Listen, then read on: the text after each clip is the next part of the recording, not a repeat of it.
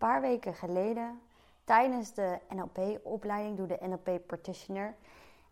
Toen hebben wij een oefening gedaan, wat ik nooit had verwacht te kunnen doen. Als je mij een paar weken geleden daarvoor had gesproken. En dit gaat om een oefening dat je een plank moet doorslaan. Maar gewoon letterlijk een houten plank. En dit had allemaal te maken met in je eigen kracht geloven. Voelen. En vanuit het voelen, dus niet vanuit spierkracht, maar vanuit lichaamskracht voelen, dat jij dus die kracht in je hebt, energetische kracht in je hebt om een plank door te slaan. Ik ga je even mijn verhaal delen hoe dit voor mij is geweest. Want dit was nog wel best een grote uitdaging voor mij. Ik ga je ook kort meenemen wat mijn doel is tijdens de opleiding. En wat mij belemmerde op dat moment om mijn doel te bereiken. Waardoor ik dus moeite had om die plank door te slaan. Want dat is wat we moesten doen. Wil je het weten hoe ik en of ik die plank heb doorgeslagen? Ga zeker deze podcast luisteren.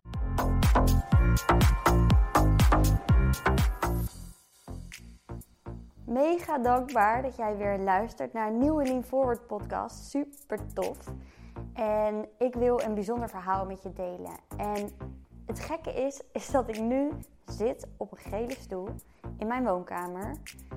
Er is niemand thuis. De deur staat lekker open. Dus misschien hoor je af en toe wat geluidjes van buiten. En ik ben even helemaal aan het intunen op mijn lichaam.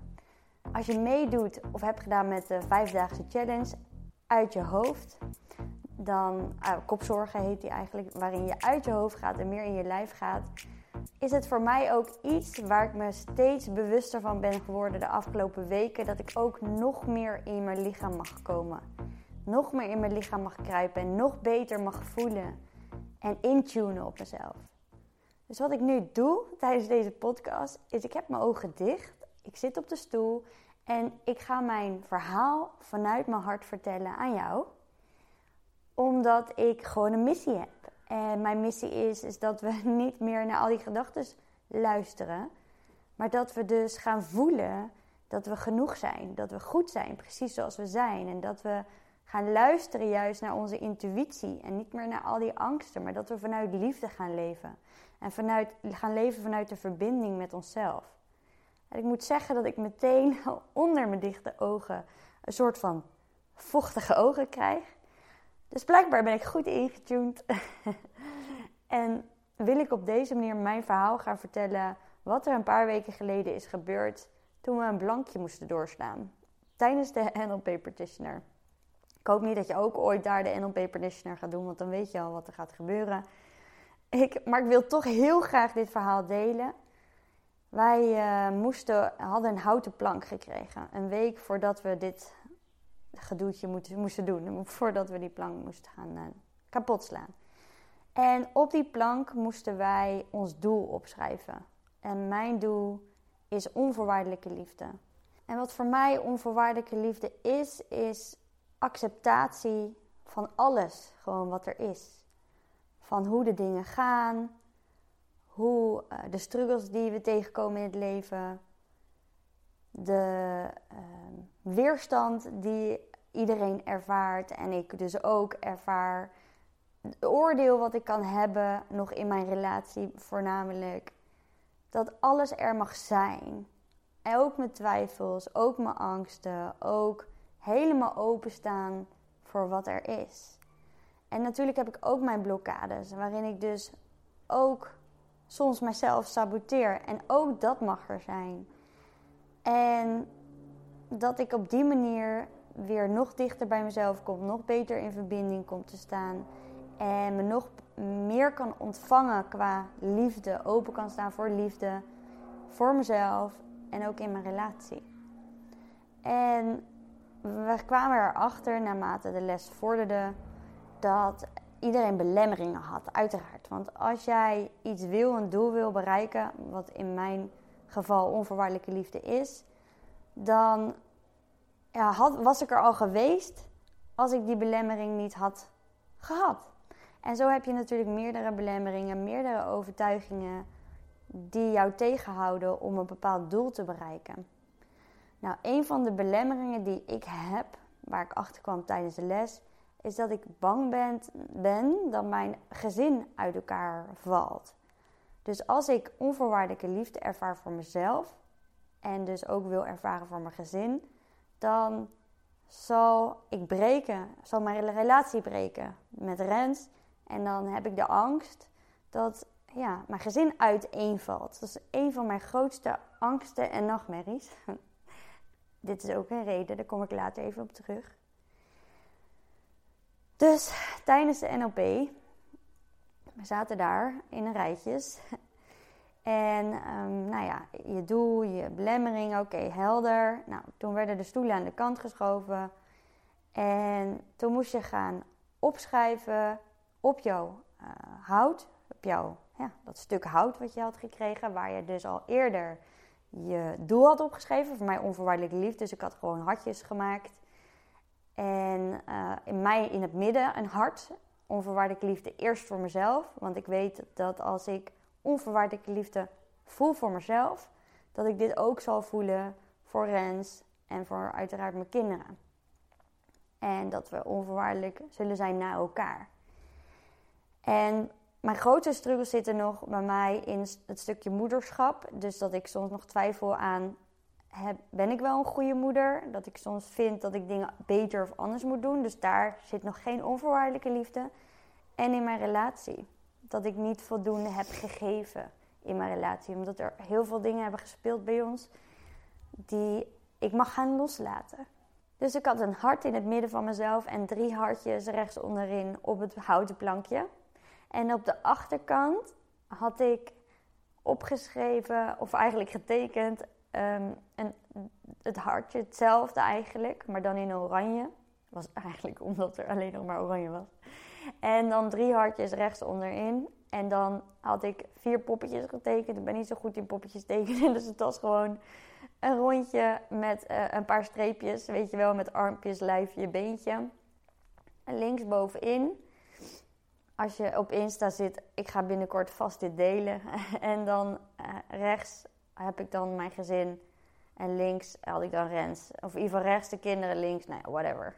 Boeien. Ik had dat getekend en ik had tussen die hartjes allemaal strepen getekend. Zo van, er zitten er blijven de muren tussen. Want voor mijn gevoel is het als er geen onvoorwaardelijke liefde is, blijven er muren zitten tussen ons in. Dus zal ik me niet 100% verbonden voelen. En dan zal ik altijd nog een twijfel hebben over mezelf, of een oordeel zijn naar mezelf, over hoe ik bijvoorbeeld naar de kinderen ben, of over hoe ik uh, me in mijn relatie neerzet, wat ik wel niet mag zeggen, terwijl alles er moet zou kunnen zijn. Dat is voor mij onvoorwaardelijk.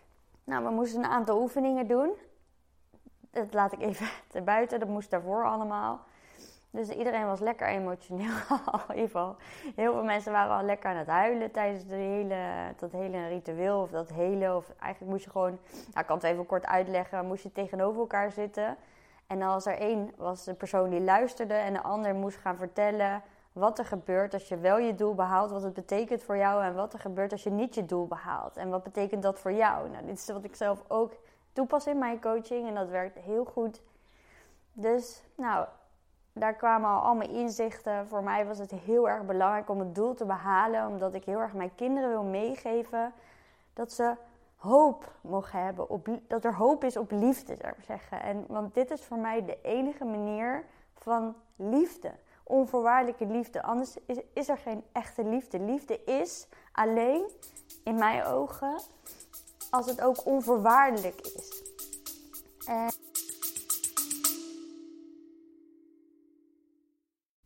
Sorry dat ik je onderbreek. Maar mocht je nou tijdens het luisteren van deze podcast opmerken, is dat je zoveel erkenning ervaart en voelt dat je er wat mee wil, dat je deze kennis die je nu hoort in de praktijk wil brengen, vraag dan gewoon eens een vrijblijvend gesprek aan via www.lien-forward.nl of ga naar mijn link in bio in, op lien-forward op Instagram. En dan kletsen we even over jouw uitdaging, je verlangens. Dan kan ik direct die rode draad eruit pikken waar jij mee aan de slag mag gaan. En dan kunnen we kijken en mag jou voelen of later beslissen zelfs nog of jij in eventueel het één traject zou willen stappen. Dus wie weet ga ik je zien. En ehm, dat er geen ja, voorwaarde op zit om goed genoeg te zijn. Nee, je bent al goed genoeg. Dat is precies die kern. En dat is iets wat ik heel graag mijn kinderen wil meegeven. Is dat, dat, dat zij, als ik niet onvoorwaardelijk kan zijn naar mezelf, dat betekent dat zij ook voorwaarden zullen stellen voor zichzelf. Want zij nemen dat gewoon voor mij over. En dus dan zou ik de hoop op liefde moeten opgeven als ik mijn doel van onvoorwaardelijke liefde niet zou behalen. Nou, dat zou ik niet trekken. Dat zou ik gewoon, dan zou voor mij, ja, mijn betekenis weg zijn op deze aardbol. Want ik voel heel sterk dat ik hiervoor hier ben. Dus dat ik dit stuk ook in mezelf mag gaan helen. En natuurlijk heb ik dat al deels gedaan en daar wil ik nog verder mee. Dus toen moesten we, nou, moesten we, toen gingen we in een kringje staan. En in het midden waren twee kratten of zo. Hadden ze mooi versierd met cadeaupapier, bruin cadeaupapier. En daarop hadden ze, zet je dan, zetten zij dan het plankje neer. En zij zijn de trainers, een trainster en een trainer. Die begeleiden de groep van ja, plus minus 25 tot 30 man of zo. En toen gingen we één voor één, als je voelde dat jij het plankje wilde gaan doorslaan en kon doorslaan, dan mocht je naar voren lopen. Nou, ik ben niet iemand die tot op het einde wacht. En ik denk ook dan heel erg, ga ik dan meteen in mijn hoofd zitten en denk dan heb ik het maar gehad, weet je wel. Terwijl dat is natuurlijk niet de energie die je nodig hebt en de kracht die je nodig hebt om zo'n plankje door te slaan. Dus uh, een aantal mensen waren mij voor geweest. Nou, er waren wel een aantal mannen die al hop er doorheen konden. Ik heb toch het idee dat mannen beter kunnen connecten soms met hun lichaam dan uh, vrouwen. Hè? Maar dat is uh, mega zwart-wit. Dus, maar zo gezegd, qua aantal vrouwen die gingen ook, lukte niet. De eerste vrouw lukte het niet om dat plankje door te slaan. En ik ben best wel sterk. ik heb best wel wat spierkracht. En ik dacht, nou, dat, dat, moet ik toch kunnen fixen, jongens. Gewoon intunen op mezelf en gaan we het hierbij aan. En op dat moment, toen ik daar ging staan, ging ik intunen. En ik leg mijn hand op dat ding en dan moet je je hand een beetje naar voren bukken, je hand op dat hout leggen en iets, uh, je hand, je vingertoppen moesten eigenlijk nog een soort van op het hout blijven. En dan ging je met je handpalm zo boem, weet je wel, zo hop, je breekt hem zo door midden. En het leek zo makkelijk bij die mannen, maar dat was het natuurlijk helemaal niet. Dus ik probeerde, nou, het lukte niet. Ik kreeg hem niet, uh, kreeg hem niet door. En ik dacht, hè, blijkbaar zit ik in mijn hoofd. En ik dacht aan mijn doel, en, maar het lukte niet. Nou, ik weer terug, want ja, ik dacht drie keer proberen. Als het dan niet lukt, kan je later nog een keer proberen. En ze hadden gezegd, iedereen moet hem doorslaan. Er gaat niemand naar huis voordat iedereen dit plankje heeft doorgeslagen. het was echt een plankje van 2 centimeter of zo. Nou, misschien overdrijf ik. Een centimeter misschien of zo. Die je moest doorslaan. Ja, bizar. Dus, nou ja, er waren een aantal mensen die konden hem doorslaan, et cetera. En ik bleef maar in mijn hoofd en ik voelde mijn hart bonzen. En ik voelde heel veel druk op mijn borst. En het, ja, ik dacht, hoe ga ik nou in mijn lijf? Hoe ga ik nou in mijn lijf? Er staan daar zoveel mensen te kijken naar jou. Ik kon heel moeilijk, lastig het contact maken, omdat ik die gedachten had. Omdat die gedachten mij vertelden dat het me niet zou lukken, dat er te veel naar me gekeken wordt, dat ik niet kan intunen, dat ik niet kan voelen. Ik ging helemaal terug in mijn oude patroon. Want ik ben wel iemand die kan intunen en kan voelen en mensen kan raken. En ik ben iemand die, die heel goed eigenlijk naar de gevoel, de intuïtie en het lichaam kan luisteren. Dus waarom schiet ik dan weer terug in mijn oude patroon?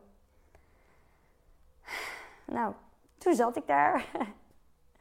ik vond het niet erg dat ik het niet kon doorslaan, maar ik snapte op dat moment mezelf niet en waarom ik niet in mijn gevoel kon stappen. Want ik dacht, hè, I've been there, weet je wel. Ik heb dit toch al vaak genoeg gedaan. En toch lukt het me niet. En ik had het ook al eerder een keer toen ik daar op een podium gestaan, dat je wat moet vertellen uit je hart toen merkte ik ook al dat ik snel naar mijn hoofd schoot en zo. Dus dat blijkbaar podium en voor zo'n groep staan, daar nog wel wat in te behalen heb. en buiten dan, ja, heb ik ook al gedaan met bootcamplessen. Maar dit is dan toch weer een andere tak van sport. En dan ga je toch weer door hetzelfde patroon moet je weer heen op een ander level of zo. Dus ik stond daar voor die groep. Opnieuw. Nou, dat is natuurlijk best vervelend. Dat je het nog een keer moet doen. Dat, dat vond mijn ego natuurlijk, mijn gedachten. En uh, die trainster, super fijne meid. Ik noem meid, geen idee. Leuke vrouw. Echt super goede coach. En zij uh, haalt mij helemaal naar een moment waarin ik onvoorwaardelijke liefde voelde. Dus zij zegt: tune maar in op een moment dat jij onvoorwaardelijke liefde voelde. Dus ik ging daarover, uh, daarop intunen. En dat was het moment dat ik met Rens op de kermis was. Daar heb ik ook een reel uh, van gemaakt. En met de jongens. Dat was zo'n fijn gevoel wat ik daar had. Ik had echt dat gevoel van we zijn weer echt een gezin. En we zijn echt samen. En ik kan echt genieten van het met elkaar zijn. En alles is ontspannen en rustig. En ik voel heel erg verbinding met Rens. En dus ik had dat beeld voor me. En ik ging slaan en slaan. En het lukte niet. En toen kwam zij naar me toe, de trainster. En ging ze met mij in gesprek. En toen zag ik allemaal beelden en angsten kwamen bij mij voorbij. En dat waren de beelden van, van vroeger. Van dat mijn ouders uit elkaar gingen. Dus blijkbaar zat daar ook nog iets. Van dat, mij, dat ik een gebroken gezin heb. Dat ik heb gekozen voor een gezin om, om ja, lekker zo'n young podcast dit. Om, in, uh, om wel een gezin te starten. Gezien ik vroeger zei dat ik nooit kinderen wilde. Heb ik nu gekozen voor kinderen. En dus moet het onvoorwaardelijk zijn. Dus dat zoveel druk op. En ik voelde ook heel veel angst daarom. Van ja, ja wat nou, weet je, het moet, moet lukken of zo. Te veel druk, te veel stress. Dat dit het moet zijn. Waardoor hè, je dan juist in zo'n visuele cirkel terechtkomt met negatief gedrag. Nou ja, hè, als, iets is, als ik iets wel begrijp, is het die, die cirkel, die gedragscirkel van gedachten. Je hebt, hè, het mag niet kapot gaan. En nou, dat geeft stress. En wat gebeurt er dan? Vanuit die stress ga je juist rot reageren in je gezin of ga je twijfelen aan jezelf in je moederschap. Als gevolg is dat je weer baalt van jezelf. Nou ja, zo ga je dat cirkeltje rond. Ik weet er alles van ook ik ga hier doorheen. Ook ik deal met dit. Toen, toen dacht ik, ga dat met dat beeld doen van de kermis. Maar het lukte dus niet. En toen moest ik dus huilen. Toen zij bij me stond. En al die angst kwam boven. Ik zeg, maar ik voel zoveel angst. Nou, toen zei ze, is dit dan het beeld wat je wil gebruiken? Toen dacht ik echt dat dit het beeld was. Toen dacht ik, oké, ik ga het nog een keer doen. Dus ik ging het nog een keer doen. En uh, dan sta je daar, iedereen staat te kijken. Je hebt het al heel vaak geprobeerd, moet je voorstellen. ik vond het echt heftig. Maar op een gegeven moment, toen, die tweede keer, toen zag ik ook... Ik zag gewoon eigenlijk de eerste keer al niet meer... Want ik was zo in mijn bubbel van angst en van alles wat er door me heen ging... dat ik eigenlijk niemand meer zag en niemand meer hoorde. Ik kan ook... Ja, ik was zo in mijn eigen drama en tranen en verdriet. En toen toen deed ik het en toen deed hij het weer niet. Ik denk, god, dat plankje gaat me niet door. Dat plankje moet door. En toen dacht ik, ik moet mijn beeld veranderen. Ik moet het beeld veranderen dat, dat ik alleen ben. Want ik heb echt onvoorwaardelijke liefde gevoeld voor mezelf. En dat is, er zijn heel veel momenten geweest dat ik aan, langs dat kanaal loop. loop. En als je mij kent, dan weet je dit misschien wel. Ik loop bijna dagelijks langs het kanaal.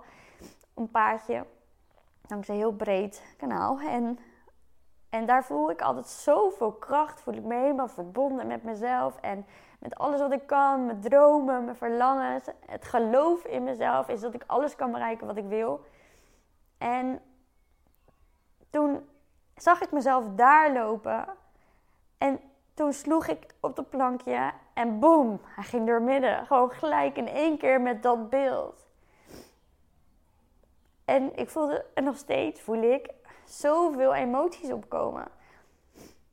Ik moest echt heel hard huilen eigenlijk. Dus ik liep ook meteen iedereen juichen. En ik liep gelijk weg. Want ik dacht, wat betekent dit nu? Het was voor mij heel heftig. Ik, want ja, ik had het beeld van de kermis. En, en hè, dat onvoorwaardelijke stukje. Mijn gezin. Ik vond het zo belangrijk dat mijn gezin samen blijft en gaat zijn. En, en dat, En ik brak hem doormidden met een beeld van mezelf. En dat was helemaal niet wat ik voor ogen had.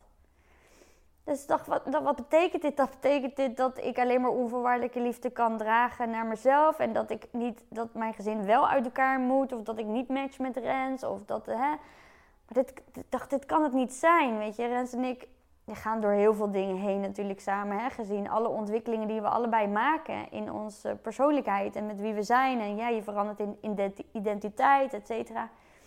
En daarin moet je natuurlijk elke keer weer naar elkaar, of moet niet, maar wil je elke keer weer naar elkaar groeien. Dat is het hele proces wat je doormaakt samen. En ik dacht nee. En ja, ik ging allemaal doemscenario's in mijn hoofd halen. En ik had daarin iets te doorvoelen. En dat was niet per se iets tussen mij en Rens. Het was gewoon een stukje kind in mij. Wat nog pijn voelde van de scheiding van, van mijn eigen ouders. En de verdriet wat ik heb gevoeld. Dat, dat ik geen, niet op gegroeid in een gezin. In een warm gezin. En dat ik als klein meisje toch heb gebouwd dat mijn ouders uit elkaar gingen. Ondanks dat het verschrikkelijk was geweest als ze bij elkaar waren gebleven. Want mijn ouders die... Ja, die, uh, ja, ik denk dat er niks van mijn moeder was overgebleven. En het was heel ongezond geweest, ook voor mij. Maar als kind heb je toch altijd een droom dat je gewoon een gezin bent. En dat je ouders samen gelukkig zijn. En, en dat heb ik altijd gerationaliseerd. Dus altijd heel erg gegeneraliseerd. En zo van, nee, dat uh, vooral gerationaliseerd. Zo van, nee, weet je, dit is beter zo. En het had ook niet goed geweest. En dat klopt. Vanuit cognitieve hè, denkvermogen, vanuit je gedachten, was het ook beter. Dat klopt. Maar daarin heb ik niet gevoeld wat ik moest voelen als kind. En misschien heb jij dit al wel helemaal doorvoeld. En komt het bij mij dus dit stukje nu in mijn proces omhoog. Blijkbaar. Want ik dacht al lang dat ik hier overheen was. En ja, dat raakte mij zo sterk. Dus ik heb echt gejankt om het hoekje daar als een kind. En toen ben ik naar de wc gegaan. Heb ik weer gejankt als een kind. En toen voelde ik ook heel sterk: oké, dit is dat kleine meisje in mij. Die heel veel verdriet voelde over het feit dat ze niet in een warm gezin is opgegroeid. En ja, toen ging ik het wel meer voelen. En in gesprek ook met een hele lieve mede-cursist, cursist, maar zeggen, of hoe noem je dat, leerling. Of... En toen zei ze ook van ja, maar je kan het ook van een ander perspectief bekijken, weet je wel. Misschien zegt dat juist wel meer iets over jezelf en staat het los van je gezin en relatie. En toen zei de trainster ook zoiets van, weet je, dit heeft heel erg te maken met dat je onvoorwaardelijke liefde mag voelen in jou. En dat jij die kracht bezit. En dat je, dat je kan verbinden met jezelf. En dan vanuit daar ga je het doen met je gezin. En op die manier loskomen van dat het samen moet. En of ik het eerst bij Rens zou moeten voelen en daarna pas mezelf. Nee, ik heb het juist eerst, mag ik het gaan ervaren en voelen bij mezelf. En dit was wel, dat ik, nou, daar kon ik op dat moment nog niet echt heel veel mee. Maar dagen daarna kon ik het een beetje laten landen. En voelen hoe dit inderdaad voor mij is. En toen kwam ik heel erg tot de conclusie, is dat het dus niet uitmaakt voor mij nu. Natuurlijk maakt het uit, maar, maar juist door dit inzicht nu te krijgen van oké, onvoorwaardelijke liefde is niet per se samen blijven dat voelde, dat rationeel kon ik dat al wel bedenken. Maar onvoorwaardelijke liefde is dus dat iedereen gelukkig is. Dus dat Rens gelukkig is, dat ik gelukkig ben, dat de kinderen gelukkig zijn. En onvoorwaardelijke liefde is al het geluk gunnen. Jezelf en de kinderen en Rens. En als we met elkaar niet gelukkig zijn, dan gaat dat wel zijn zonder elkaar. En dan is dat ook oké. En dan mag dat er ook zijn.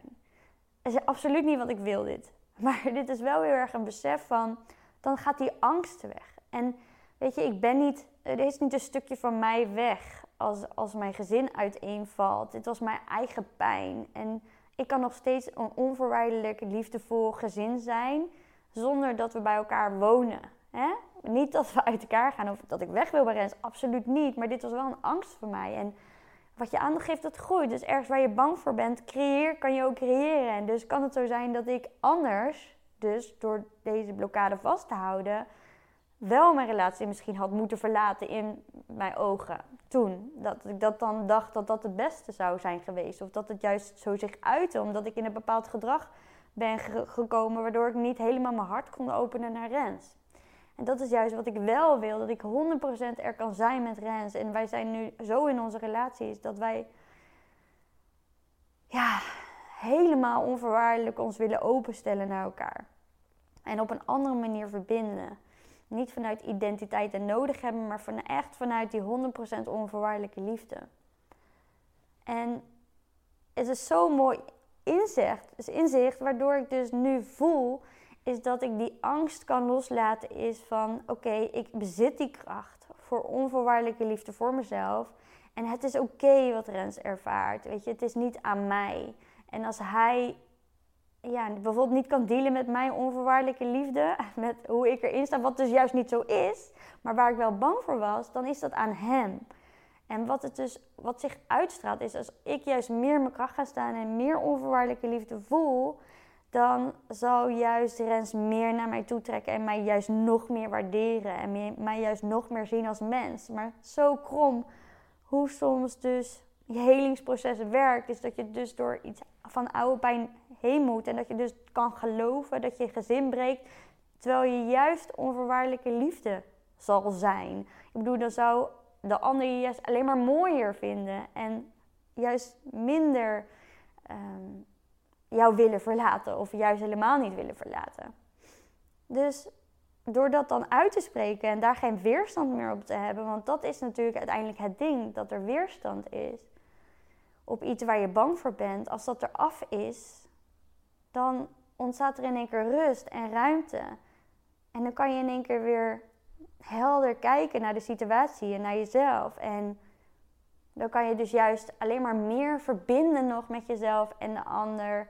En ik merk dit dus nu al op, is dat Rens gisteren eventjes niet zo lekker in zijn vel zat. Ik ga niet in detail treden, want dat is zijn persoonlijk proces. En dat hij, uh, ja, eh, projecteerde op mij. Hij was boos op mij. Ik deed niet goed. Ik had dingen anders moeten zeggen. Ik had zelfs anders moeten kijken. Want ik oordeelde en het was niet oké. En ik was niet oké. En op dat moment, hij ging een beetje in zijn uh, boze stand staan. Ik dacht, oké, prima. Maar nu ga je in woorden te ver tegen mij. Dus ik ga nu naar boven en ik kom later terug. Als je niet meer zo boos bent. Want ik ga dit gesprek niet op die manier aan. Want ik heb ook een grens. En ik, wil, ik heb ook ja, die onvoorwaardelijke liefde naar mezelf nodig. Dat wil ik. Die, die persoon wil ik zijn. Iemand die onvoorwaardelijke liefde is. Dus ik ben naar boven gelopen. En um, Rens was gewoon boos op mij. En, en dat mag. En dat is ook onvoorwaardelijke liefde. Laat Rens maar boos op mij zijn. Hij mag ook door zijn proces heen en door zijn dingen heen gaan. En dit heeft hij gedaan. Hij, hij, heeft toegelaten, hij heeft zijn ding gedaan. En ik ben op een gegeven moment gewoon in bed gaan liggen. En nou hij was boos. En hij was ook boos dat ik er daarna niet hem die knuffel gaf die hij nodig had, et cetera. Maar ik voelde heel sterk dat hij dit zijn ding alleen moest doen. En, en dat was voor mij heel sterk een teken van onvoorwaardelijke liefde naar mezelf. En dat ik niet per se op dat moment deed wat hij, waar hij zo naar verlangde, maar wat ik deed, dat, wat ik voelde dat goed voor mij was. Want toen zei ik ook tegen hem, toen, toen hij ook weer in bed lag, van. Want hij zei: Ik wil je knuffel en bla bla. toen zei ik: Ja, maar je bent boos op mij. En als jij boos op mij bent, dan kan ik jou niet geven wat je op dat moment nodig hebt. Ik heb dan nodig om even jou boos te laten zijn. En dan voelt het voor mij heel erg als pleasen. Als ik moet er nu voor hem zijn. Maar dan zet ik mijn gevoel opzij. Ik bedoel, hij zegt allemaal lelijke dingen tussen aanhalingstekens. Want zo erg was het nou ook weer niet tegen mij. En daarin moet ik dan even voor mezelf kiezen. En dat is oké. En ik heb hem een hand gegeven. We zijn hand in hand in slaap gevallen.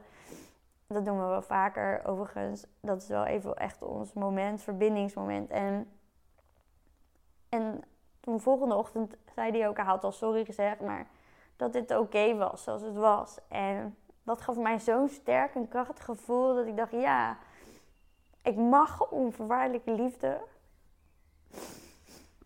Ik mag onvoorwaardelijke liefde voor mezelf voelen. En het is oké. En het mag er zijn.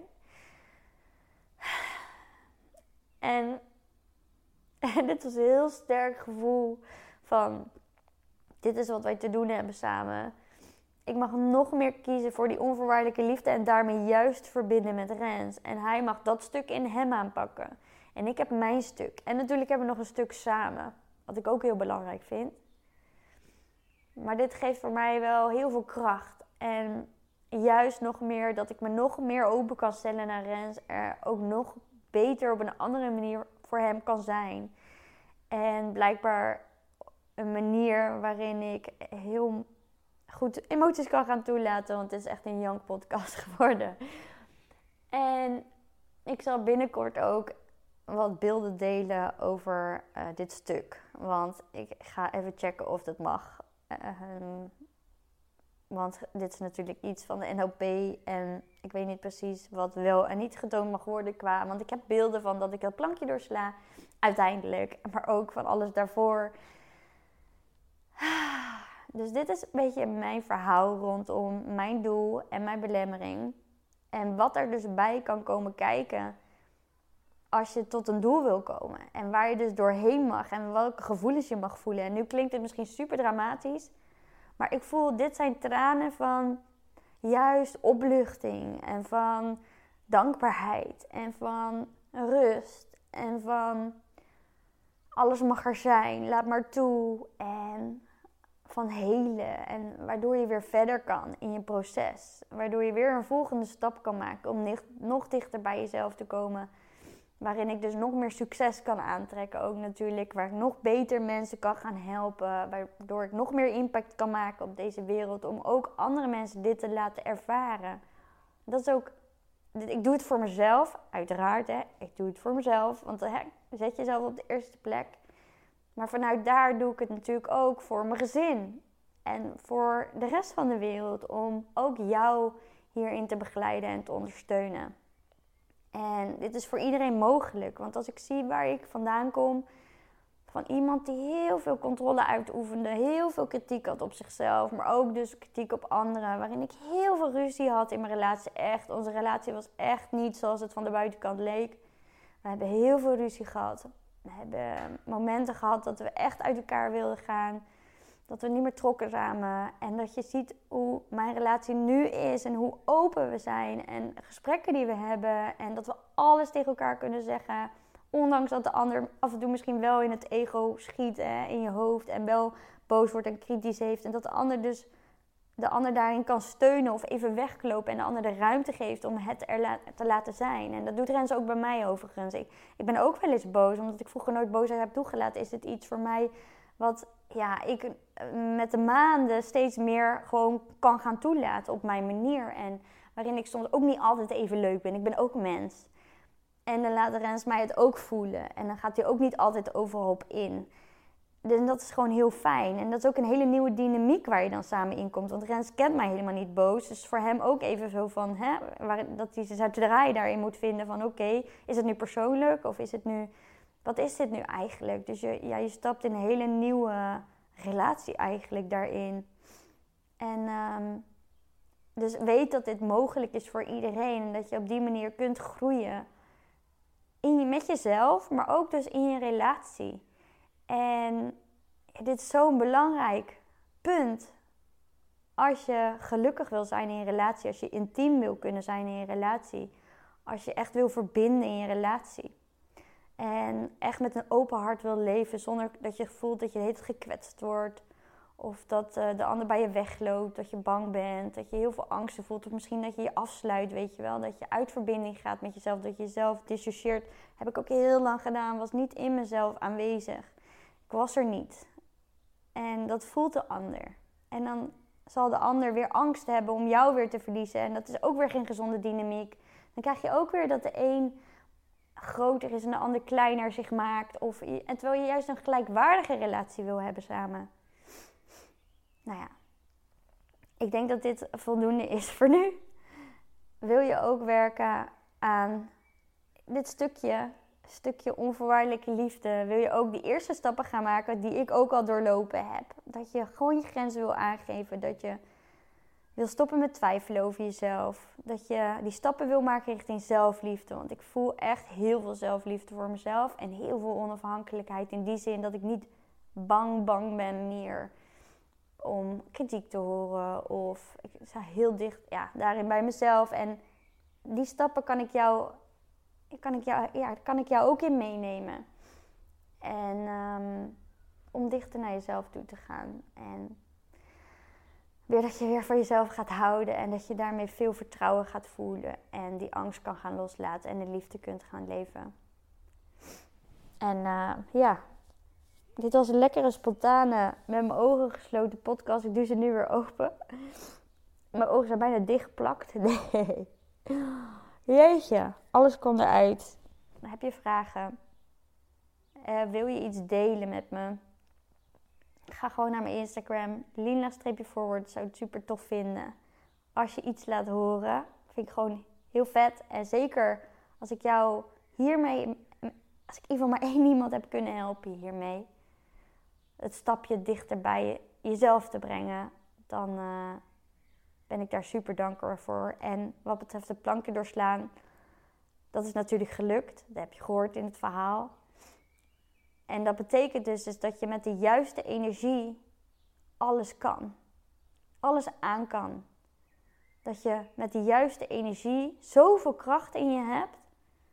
Dat je helemaal geluk kan voelen. En dat je zelf dus een plankje kan doorslaan. Dat je zelf met energie dus ja, dingen kunt die je nooit dacht dat je had gekund. Hoe bijzonder is dat? Dus in één keer kan je veel meer aan. En dat is dus wat er gebeurt als je, als je in de juiste energie gaat zitten, als je in je lichaam gaat zitten, als je naar je gevoel gaat luisteren. Dan ga je dingen komen op je pad in je leven, waardoor je uit je comfort durft te gaan, dat je die kracht voelt dat je uit je comfort durft te gaan. En ga je stappen maken in je geluk, in je liefde, in, in je zelfvertrouwen die je nooit had verwacht van jezelf. Waardoor je dus jezelf brengt naar waar het het leven om draait. Ik kan er geen woorden aan geven. Verbinding, liefde. Ja, gewoon je droomleven leven. In één keer kan je dan weer gaan verlangen en kan je weer gaan dromen. Waarin ik vroeger nooit droomde, ben ik nu allemaal dromen aan het waarmaken. En dat kan jij ook. Echt waar. Dat kan iedereen. Dus wil je die stappen maken? Je weet me te vinden. Anders www.lean-voort.nl slash coaching of slash ja. Ligt eraan wat je wil gaan doen. Maar check anders gewoon slash coaching. En dan uh, hou ik op nu. Bedankt voor het luisteren, lieve jij.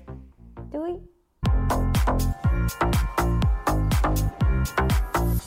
Wat tof dat je hebt geluisterd. Deel het op Instagram om ook anderen te inspireren en tag mij. Het zou mij enorm helpen als je deze podcast gaat volgen en als je een review achterlaat op iTunes via Apple Podcasts. Zo word ik beter vindbaar en kan ik daarom nog meer mensen helpen. Bedankt. Doei!